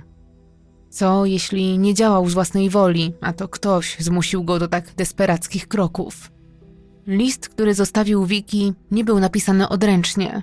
Został napisany na komputerze i wydrukowany, więc nie można jednoznacznie stwierdzić, że to Nick jest jego autorem. Jest jednak coś, co podpowiada bliskim, że list mógł napisać ktoś inny, podszywając się pod ich syna. Zawierał on m.in. skróty, których chłopak nigdy nie używał, ale też pewien błąd. Nick zawsze bardzo dużą uwagę zwracał na swój samochód, Polo GTI, i wręcz traktował go jak oczko w głowie. Nie pozwalał niczego krytykować i łatwo było go urazić, mówiąc coś nie tak o jego aucie. Kiedy tylko ktoś napisał albo przekręcił jego nazwę, natychmiast go poprawiał i wręcz wymagał od bliskich stosowania poprawnego nazewnictwa. W kontekście listu chodzi dokładnie o skrót GTI, który powinien być zapisany wielkimi literami, czego nikt zaciekle pilnował. W liście natomiast GTI napisane było małymi literami, co od razu rzuciło się w oczy jego rodzinie. Istnieje jednak możliwość, że chłopak pisał w pośpiechu albo nie zależało mu, chociaż równie dobrze to ktoś mógł napisać list za niego. Pytanie tylko, czy osoba podszywająca się wiedziałaby, że należy odebrać felgi z piaskowania. Mimo wszystko, ten drobny szczegół nie daje bliskim spokoju. Jest październik 2019 roku. Mijają trzy tygodnie od zaginięcia, a Jessica jest już kompletnie zrezygnowana. Razem z rodzicami próbują odnaleźć Nika na każdy możliwy sposób, ale wciąż bez skutku. Siostra ma już wrażenie, że nawet jeżeli brat sam podjął decyzję o ucieczce, to musiała być czymś podyktowana i dziewczyna widzi w tym zachowaniu zwyczajne wołanie o pomoc. Zawsze mieli ze sobą dobry kontakt i Nick nigdy nie mówił, że jest szczególnie niezadowolony ze swojego życia. Zdarzały się lepsze i gorsze dni, ale mimo wszystko jej brat miał przecież plany na przyszłość, realizował się zawodowo, finansowo szło mu bardzo dobrze. Jedynie to wycofanie z życia towarzyskiego było dla wszystkich nieco niepokojące, ale przecież od zawsze był na uboczu. Jessica sama zaczyna analizować to, czy przypadkiem nie przegapili, że u Nika rozwijała się depresja, ale nie potrafi tego jednoznacznie ani potwierdzić, ani wykluczyć. Pewne jest jednak to, że od 28 września życie Jessiki, jak i reszty członków rodziny zmieniło się nie do poznania. Teraz nie ma dnia, żeby nikt nie myślał o Niku. Sąsiedzi, a nawet obcy ludzie na ulicy z troską pytają o postępy, gdy tylko widzą, jak rodzina znowu rusza na poszukiwania. Jednocześnie w bliskich kiełkuje żal i rozczarowanie, głównie w kierunku policji. Może gdyby sprawdzono samochód Nika, może gdyby udało się odzyskać komputer chłopaka, który teraz jest w rękach Wiki i sprawdzić jego zawartość, to poznaliby w końcu prawdę, nawet jeżeli miałaby być ona bolesna. Ale Jessica nie potrafi pozbyć się uczucia, że musi być jeszcze jakiś sposób, żeby dowiedzieć się, czy Nick opuścił Aachen i przemieścił się gdzieś dalej. Spędzili tam przecież ostatnie tygodnie. Mają wrażenie, że zajrzeli już wszędzie. Jego zaginięcie, szczególnie tam, jest też bardzo dobrze nagłośnione. Ktoś musiałby go w końcu rozpoznać, gdyby rzeczywiście błąkał się gdzieś po ulicach. Wtedy też zrozpaczona siostra zdaje sobie sprawę, że ani ona, ani rodzice, czy nawet policja nie wpadli na to, żeby sprawdzić skrzynkę mailową Nika. Do tego przecież nie potrzebuje fizycznie jego komputera. Dziewczyna od razu przystępuje do działania, jednak już na wstępie pojawia się oczywisty problem. Zna adres mailowy, ale nie zna hasła. Chce jednak spróbować, ale boi się, że gdy zacznie na ślepo wpisywać hasło, to zablokuje dostęp do konta. Klika więc specjalny link, który przekierowuje ją na stronę odzyskiwania hasła. Na stronie pojawia się pytanie pomocnicze, które ustawił sam Nick i ku zaskoczeniu Jesiki, dziewczyna doskonale zna odpowiedź na to pytanie. Sekundy później, w co wciąż trudno jej uwierzyć, może sama zmienić hasło do maila brata i zalogować się na jego skrzynkę mailową. Siostra z wypiekami na twarzy przegląda mail po mailu, licząc, że tu znajdzie trop i jak się okazuje, przeczucie jej nie myliło. Znajduje tu wiadomość, która potwierdza, że Nick zakupił bilety na pociąg z Aachen do Düsseldorf, a oprócz tego dwa bilety lotnicze. Pierwszy z Düsseldorf do Barcelony na godzinę 15.45, a drugi z Barcelony do Lizbony na 19.15. Wszystkie te bilety, zarówno na pociąg, jak i na loty, datowane są na 28 września, czyli sobotę, dzień zaginięcia Nika. Jessica nie może uwierzyć w to, co odkryła, i jednocześnie jest jeszcze bardziej zagubiona niż wcześniej. Te maile wskazują, że Nick jednak zaplanował ucieczkę i że trop prowadzi do innego kraju, bo do Portugalii, ale przecież w poniedziałek 30 września Nick, albo przynajmniej ktoś do niego bardzo podobny, był widziany w Aachen. Jest jeszcze jedna niezwykle istotna rzecz. Przecież Nick od zawsze cierpi na ogromny lęk przed lataniem. Do tej pory nigdy nie udało się go namówić nawet na krótki lot – Zawsze na każde wakacje, nawet te odległe, jeździli samochodem z powodu jego fobii. Czy Nick naprawdę zmienił zdanie? Przezwyciężył paniczny strach i sam wszedł na pokład samolotu. A co jeśli zakupienie biletów jest tylko kolejnym sposobem na zbicie wszystkich z prawidłowego tropu? Jessica postanawia działać natychmiast. Od razu rusza na policję, gdzie przedstawia swoje odkrycie – jednak czeka ją tu ogromne rozczarowanie. Nikogo już nie interesują takie rewelacje. Jak się okazuje, policja już praktycznie zaprzestała poszukiwań, a funkcjonariusze mówią dziewczynie wprost, co ich zdaniem jeszcze potwierdzają przyniesione przez nią wydrukowane bilety. Nick zerwał kontakt z rodziną celowo i przede wszystkim ma do tego pełne prawo. Jessica jest w szoku. Myślała, że zostanie potraktowana zupełnie inaczej, ale to, co dzieje się dalej, już kompletnie ją rozbija. Informacja o zaginięciu jej brata, która dotychczas cały czas widniała na stronie policji, teraz zostaje z niej usunięta, co jest niewyobrażalnym ciosem dla bliskich Nika. Już nie ma wątpliwości. Zostają kompletnie sami i już nie mogą liczyć na pomoc policji w rozwiązaniu tej zagadki. Rodzina jest zrozpaczona. Nie wiedzą, co mają dalej robić, kogo pytać, gdzie szukać. Powoli zaczynają wątpić, czy mają jeszcze jakąś szansę na to, żeby dowiedzieć się, co stało się 28 września.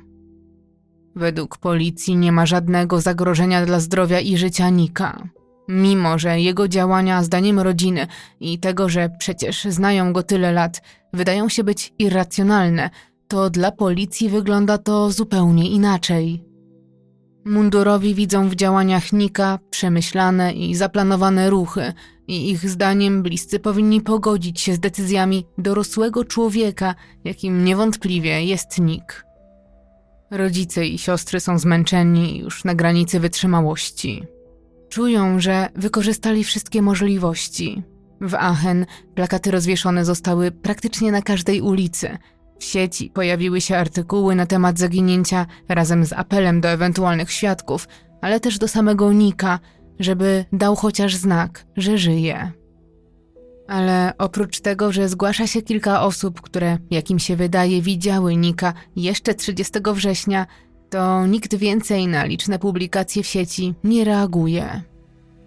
Nie napływa żadna informacja czy sensowna wskazówka, a także policja oficjalnie kończy swoje poszukiwania.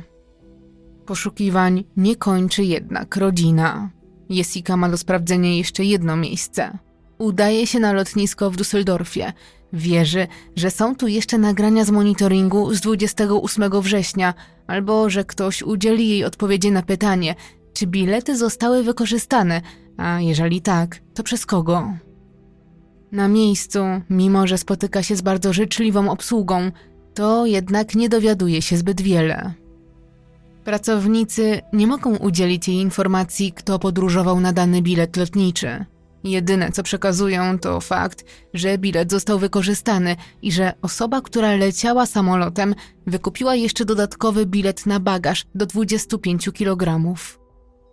To cenna i nowa informacja, chociaż wydaje się być siostrze nieco dziwna, bo nikt nie zabrał przecież z domu nic oprócz niewielkiego plecaka, w którym najpewniej miał głównie swoje dokumenty i prawdopodobnie dwa telefony, z których wyciągnął karty SIM.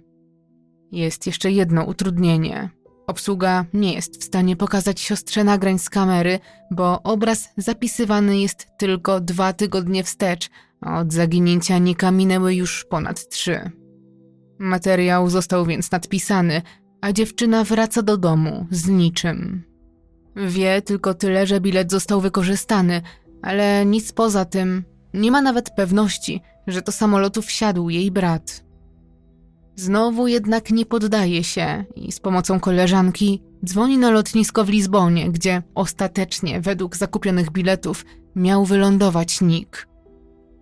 Ku swojemu zaskoczeniu, tu uzyskuje bardziej szczegółowe informacje. Obsługa przekazuje jej, że rzeczywiście i ten bilet został wykorzystany i że 28 września z samolotu wysiadł młody mężczyzna, odpowiadający rysopisowi zaginionego. To szok dla wszystkich, czyli jednak Nick wyruszył bez słowa do innego kraju. Po co i dlaczego? To też nadzieja, że jednak żyje i że może, tak jak już od dawna sugerowała policja, po prostu uciekł przed całym dotychczasowym życiem. Mając tak dokładne informacje, rodzina idzie o krok dalej i kontaktuje się z ambasadą w Portugalii, a ta z kolei nawiązuje kontakt z portugalską policją, która przyjmuje zgłoszenie o zaginięciu. Nick oficjalnie widnieje teraz w bazie osób zaginionych na terenie Portugalii, ale mimo takiej decyzji zagranicznych służb, wciąż nie jest poszukiwany w swoim kraju. Chociaż informacje z lotnisk można nazwać przełomem w sprawie, to okazuje się, że znowu poszukiwania chłopaka utykają w martwym punkcie. Bo mijają kolejne długie tygodnie bez wieści od Nika i bez nowych informacji. Dzieje się jednak coś, na co czekali od początku i w końcu bliscy zaginionego odzyskują jego ukochany samochód. Na zwrot pieniędzy już nawet nie liczą, chociaż 10 tysięcy euro byłoby nieocenioną pomocą w pokrywaniu kosztów poszukiwań. Ważne jednak, że polo GTI wróciło do rodziny i że wreszcie bliscy sami mogą go przeszukać i poszukać w nim wskazówek. Auto jest jednak czyste i nie znajdują w nim niczego szczególnego, ale też nie wiadomo, co było w nim dokładnie, kiedy Nick podarował go dziewczynie.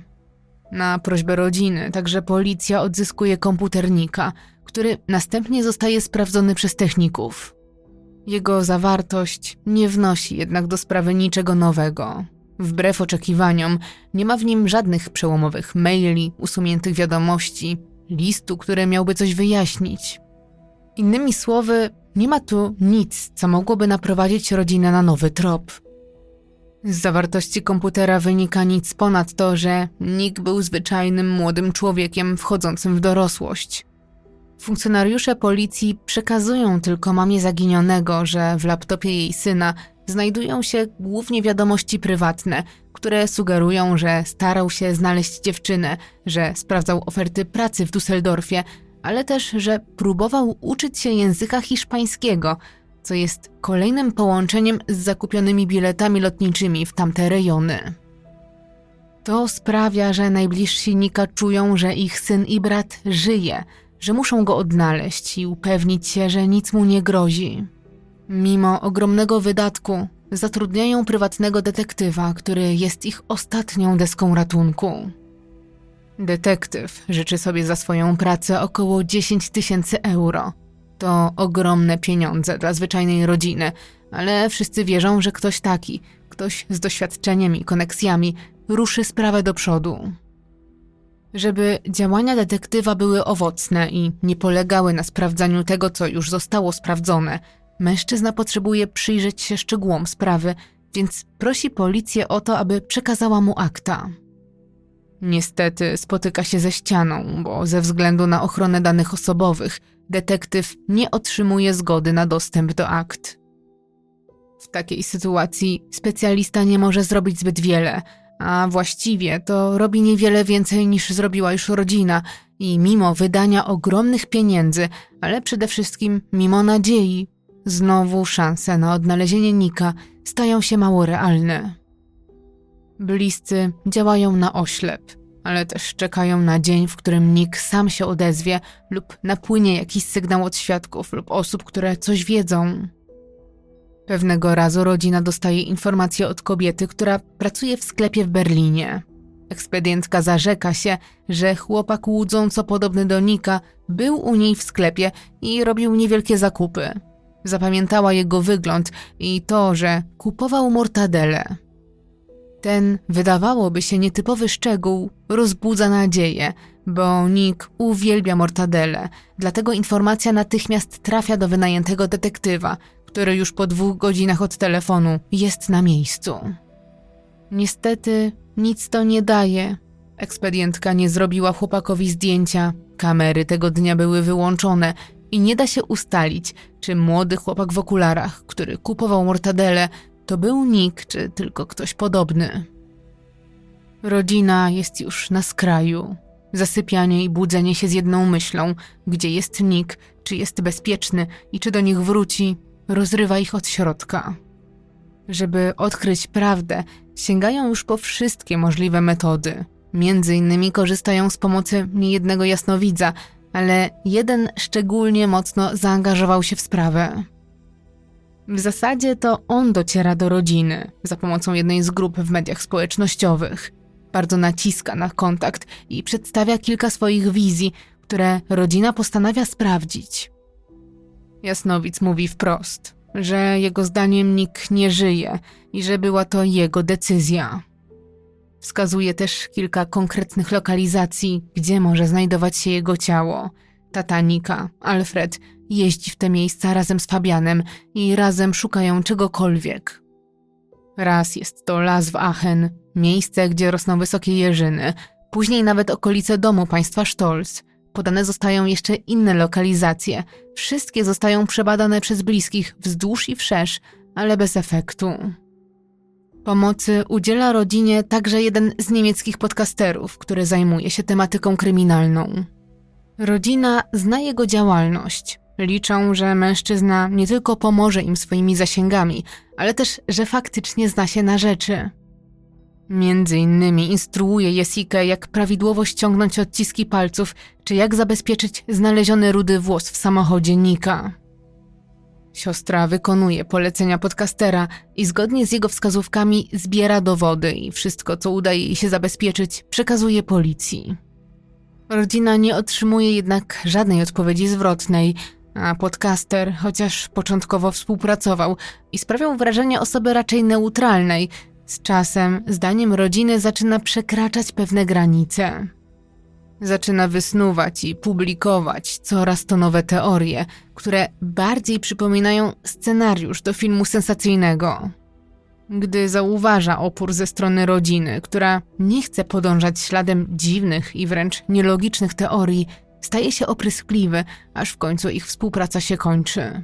Bliscy Nika znowu czują się bezradni i pozostawieni sami sobie. Nadchodzi 1 lipca 2020 roku. Nika nie ma już od dziewięciu miesięcy i dzisiaj są jego urodziny. Pierwsze spędzone bez niego. Z tej okazji jego siostra Jessica udziela krótkiego wywiadu dla lokalnej telewizji. Z rozpaczą w głosie opowiada o zaginięciu swojego brata. W ulubione miejsce Nika nad rzeką przynosi kawałek jego ulubionego tortu i jedną świeczkę, którą zdmuchuje w jego imieniu. Siostra, świętując w ten smutny sposób urodziny swojego brata, płacze i prosi go, żeby dał jej jakikolwiek znak, że wszystko u niego dobrze. Do dzisiaj zrozpaczona rodzina nie wie, co dzieje się z Nikiem, a już za miesiąc minie czwarty rok, od kiedy chłopak nie został odnaleziony ani żywy, ani martwy. Temat tego tajemniczego zaginięcia, czy może skrupulatnie obmyślonego planu ucieczki, jest poruszany przez niemieckie podcasty kryminalne czy programy dokumentalne. Mimo względnie dużego zainteresowania mediów jego zaginięciem, od dawna w sprawie nie pojawił się żaden istotny trop. Ślad najprawdopodobniej urywa się w Lizbonie, stolicy Portugalii, chociaż tak naprawdę nie ma pewności, czy nie wrócił do kraju, ani tego, czy w ogóle tam dotarł.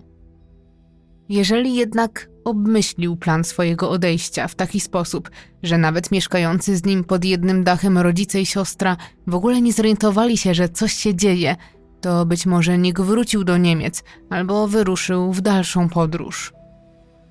Siostry Nika i jego rodzice nie potrafią pogodzić się z jego zniknięciem i nie rozumieją, dlaczego podjął taką, a nie inną decyzję. Wielokrotnie za pośrednictwem mediów błagają wręcz chłopaka o to, żeby dał znać, że żyje, że u niego wszystko w porządku. Nie oczekują nic więcej, chcą tylko poznać prawdę, nawet jeśli miałaby się okazać dla nich bolesna.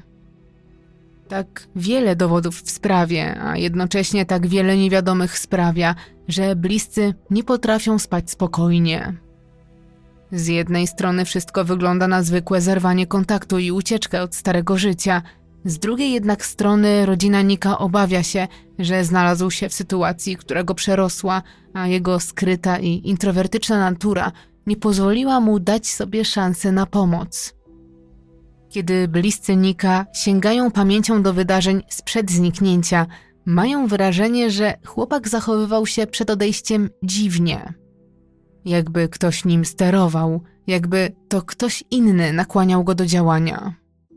Dlatego tym bardziej nie chcą ustąpić, bo boją się, że Nick faktycznie mógł zrobić sobie krzywdę. W jego sprawie wypowiadał się jeden ze znanych niemieckich psychologów, który powiedział, że według niego istnieją tylko dwie możliwości. Albo chłopak chciał upozorować swoje odejście i dlatego napisał list, który brzmiał jak list pożegnalny, dlatego zostawił swoje oszczędności, albo faktycznie zrezygnował ze wszystkiego, bo wiedział, że już nie będzie tego więcej potrzebował. W sprawę zaangażował się też Axel Peterman, były szef policji kryminalnej, który od 1999 roku zainteresowany jest metodami profilowania. Ukończył psychologię i spełnia się jako profiler. Posiada wiedzę, która pomaga jego kolegom z policji rozwiązywać wiele skomplikowanych spraw kryminalnych, ale jest też pisarzem, który wydał wiele ciekawych i bogatych w wiedzę książek o tematyce kryminalnej. Jednak doświadczenie czasami to zbyt mało, kiedy ktoś nie pozostawia po sobie praktycznie żadnych śladów. I ten specjalista skłania się do jednej z dwóch wersji, że albo jest to ucieczka, albo odebranie sobie życia. W zasadzie eksperci w większości wykluczają, by w sprawie istotny był wątek kryminalny, w którym to ktoś miałby skrzywdzić chłopaka. Jest tu jednak wiele sprzeczności, bo mimo drobniejszych rodzinnych nieporozumień, Nick był od zawsze silnie związany ze swoimi bliskimi, a szczególnie ze starszą o 5 lat Jessiką, którą zostawił w bardzo trudnej sytuacji. Jego zaginięcie zmieniło całkowicie życie rodziny i to nie do poznania. Teraz w każdej obcej osobie, chociaż trochę podobnej do chłopaka, szukają swojego brata i syna.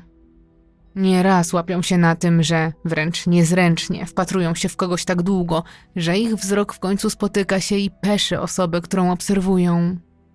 Mama Nika raz pracując w ogrodzie miała wrażenie, że ktoś ją obserwuje i faktycznie, gdy zaczęła się rozglądać, zobaczyła, że przygląda jej się mężczyzna z psem. Miał na sobie szeroką bluzę, na głowie czapkę, a na nią założony dodatkowy kaptur. Kiedy i ona zaczęła mu się przyglądać, mężczyzna od razu wyraźnie się zestresował i bardzo szybko oddalił się od ich domu.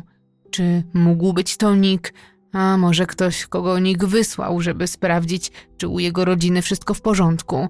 Może to jakiś ciekawski fan kryminalnych podcastów, który chciał zobaczyć dom, w którym mieszkał kiedyś zaginiony chłopak, albo było to zwykłe, nic nieznaczące wydarzenie. Co tak naprawdę stało się z Nikiem? Czy Vicky i jej rodzina mogą być kluczem do poznania prawdy? Czy ich chłodna postawa wynikała z tego, że wiedzą coś więcej, a być może przytłoczyła ich sytuacja, w jakiej się znaleźli? Nikt przecież nie chce być w centrum takich wydarzeń, ani tym bardziej podejrzewany o jakiś okrutny czyn. Częsty kontakt z policją, ze zdesperowaną i zrozpaczoną rodziną może być uciążliwy i przytłaczający, może wywołać wśród lokalnej społeczności falę plotek i nieprawdziwych domysłów. Dodatkowo fakt o liście, który otrzymała Wiki i o cennych przedmiotach, jakie zostawił jej Nick, szybko przedostała się do mediów i rola dziewczyny w jego zaginięciu była głośno komentowana i jest komentowana do tej pory. Na pewno w obliczu dużej aktywności pod filmami na YouTube czy na licznych grupach na portalach społecznościowych nie było łatwo czytać o sobie wielu, często zapewne nieprawdziwych informacji. Nie ma przecież dowodów na to, że Wiki wie coś więcej. Czy więc istnieje możliwość, że Nick swoje decyzje podejmował pod naciskiem osób trzecich lub znalazł się w takiej sytuacji, która wymagała od niego ucieczki? Policja wykluczyła możliwość, że Nick mógł paść ofiarą przestępstwa. Pytanie tylko, czy aby na pewno odpowiednio zaangażowali się w swoją pracę nad sprawą, bo co do tego rodzina ma niemałe wątpliwości. Według wiedzy rodziców, chłopak nie korzystał z pomocy psychiatry czy psychologa. Jak uważają, nie wierzą też, że cierpiał na jakieś zaburzenia. Jednak coś musiało się dziać. Chłopak izolował się, w święta nie chciał dołączyć do reszty. Na ile była to kwestia usposobienia, a na ile być może nawarstwiających się problemów. Nick mógł też załamać się po zakończeniu swojej kariery sportowej. Od momentu, kiedy przez problemy zdrowotne przestał skakać, do momentu jego zaginięcia minęły zaledwie dwa lata. Czy to był powód, czy w jego życiu wydarzyło się coś jeszcze, o czym nikt nie miał pojęcia? Jeżeli jednak Nick żyje i zerwał kontakt z rodziną celowo, to gdzie teraz jest? Dlaczego przez te blisko cztery lata ani razu nie dał nawet neutralnego sygnału, że wszystko u niego w porządku, ale że nie chce utrzymywać z nimi kontaktu? Przecież kochał swoich bliskich, Tymczasem oni żyją w zawieszeniu gdzieś pomiędzy światem, w którym nikt żyje szczęśliwie, a światem, w którym go nie ma. Wielokrotne apele kierowane w jego stronę nie przyniosły żadnych odpowiedzi. Pytanie, czy w ogóle do niego dotarły. Pytanie też, czy Nick został w Lizbonie. A jeśli tak, to jak to się stało, że żyje tam niezauważony, podczas gdy figuruje tam w bazie osób zaginionych? Czy pokonał lęk przed lataniem i był to symbol zmian? Czy to w ogóle on leciał tym samolotem? I kim był mężczyzna w pomarańczowej kurtce, widziany po 28 września w Niemczech?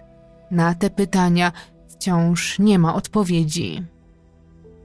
7 czerwca 2023 roku Julia Leischik, znana niemiecka redaktorka, prezenterka telewizyjna, która od roku 2007 prowadzi programy poświęcone zaginięciom i osobiście angażuje się w poszukiwania, udostępniła na swoim Spotify odcinek poświęcony Nikowi. Wypowiada się w nim siostra Nika, Jessica, ale też jej narzeczony Fabian. Po publikacji na swoim Instagramie Julia zamieściła też apel, pod którym jedna z użytkowniczek napisała dający nadzieję komentarz. Jak twierdzi, w styczniu tego roku wyjechała razem ze swoim chłopakiem do Lizbony. Podczas jednego z wielu wypadów na miasto zostali zaczepieni przez człowieka, który handlował nielegalnymi substancjami, jednak na ich szczęście na drodze pojawił się młody, niewysoki chłopak, który na dodatek, tak jak oni, mówił biegle po niemiecku i uratował ich z tej niezręcznej sytuacji. Dziewczyna i jej chłopak odetchnęli z ulgą. Ucieszyli się, że w tak dziwnej sytuacji i to w obcym kraju spotkali kogoś, kto postanowił im pomóc. Tajemniczy chłopak dla pewności odprowadził ich jeszcze do hotelu, a po drodze zaczął trochę o sobie opowiadać. Jak twierdził, do Portugalii przybył kilka lat temu, bo od zawsze chciał tutaj mieszkać. Po przylocie podjął pracę w call center, znalazł dziewczynę, jednak jego życie się pokomplikowało i w pewnym momencie został bez dachu nad głową i od tamtego czasu żył na ulicach Lizbony. Twierdził, że pochodzi z Niemiec, ale że nie ma pieniędzy na bilet powrotny. Dodał zresztą, że i tak nie ma już do kogo wracać. Tajemniczy chłopak w okularach powiedział, skąd pochodzi, ale dziewczyna nie była w stanie przypomnieć sobie nazwy miasta. Pamięta jedynie, że chyba zaczynała się na literę D. Po odprowadzeniu pary do hotelu, pomocny chłopak poszedł w swoją stronę i dopiero gdy turystka wróciła do kraju i przypadkiem natrafiła na podcast, zorientowała się, że to zdecydowanie mógł być Nick. Nie jest to jednak pewne, bo bardzo często w przypadku zaginięć zgłaszają się świadkowie, którzy są wręcz pewni, że podczas spaceru, robienia zakupów czy w komunikacji miejskiej widzieli osobę zaginioną. Czasem są o tym przekonani w stu procentach. Potrafią z dokładnością opisać tę osobę, ale później, kiedy dochodzi do weryfikacji, okazuje się, że mijana na ulicy osoba była podobna, ale zamiast jasnych włosów miała ciemne, a zamiast niebieskich oczu brązowe czy zupełnie inną budowę ciała. Kiedy sprawa nas poruszy i mocno zapadnie w naszej pamięci, chcemy za wszelką cenę widzieć tę osobę w kimś innym i umysł potrafi płatać nam figle. Nie oznacza to jednak, że nie był to Nick, ani tego, że nie mamy być czujni. Nadzieja na to, że żyje, jest naprawdę ogromna. Może rzeczywiście jest w Portugalii. Jest przekonany, że nie ma po co wracać, że nikt tu na niego nie czeka. Nie jest to prawdą. Rodzina czeka na niego, kocha go i wierzy z całych sił, że jeszcze wpadną sobie w ramiona. Dlatego, jeżeli słucha nas ktoś mieszkający w Portugalii, ale też w każdym innym miejscu na świecie, może ktoś kojarzy tego niepozornego chłopaka ze zdjęć. Chłopaka, który być może chciał zniknąć i zrobił to skutecznie. Razem z partnerem dzisiejszego odcinka, wydawnictwem Czwarta Strona Kryminału, dziękujemy za wysłuchanie. Pamiętajcie, że najnowsza książka Remigiusza Mroza, Zarzut, czeka już na Was w dobrych księgarniach. Sprawdźcie koniecznie link w opisie tego filmu. Serdeczne podziękowania kieruję do Ani z rewelacyjnego kanału Tropiciele Zbrodni, która zwróciła naszą uwagę na sprawę Nika i która skontaktowała nas z jego mamą, panią Teresą. Dzięki takim osobom jak Ania, pełnym pasji, nawet te mało znane sprawy, które potrzebują rozgłosu, mogą go otrzymać i zwiększyć szanse na rozwiązanie. Jeżeli chcesz wesprzeć moją twórczość, zostań moim wspierającym na YouTube. Na wspierających czeka przedpremierowy dostęp do odcinków i dodatkowe bonusy. Zajrzyj też na moje media społecznościowe, szczególnie na mój Instagram, gdzie w pierwszej kolejności zdradzam, kiedy pojawi się najnowszy odcinek. Będzie mi też bardzo miło, jeżeli zasubskrybujesz mój kanał, żeby dostawać powiadomienia o premierach. Serdeczne podziękowania kieruję do wszystkich moich patronów i wspierających. Ten odcinek dedykuję właśnie Wam.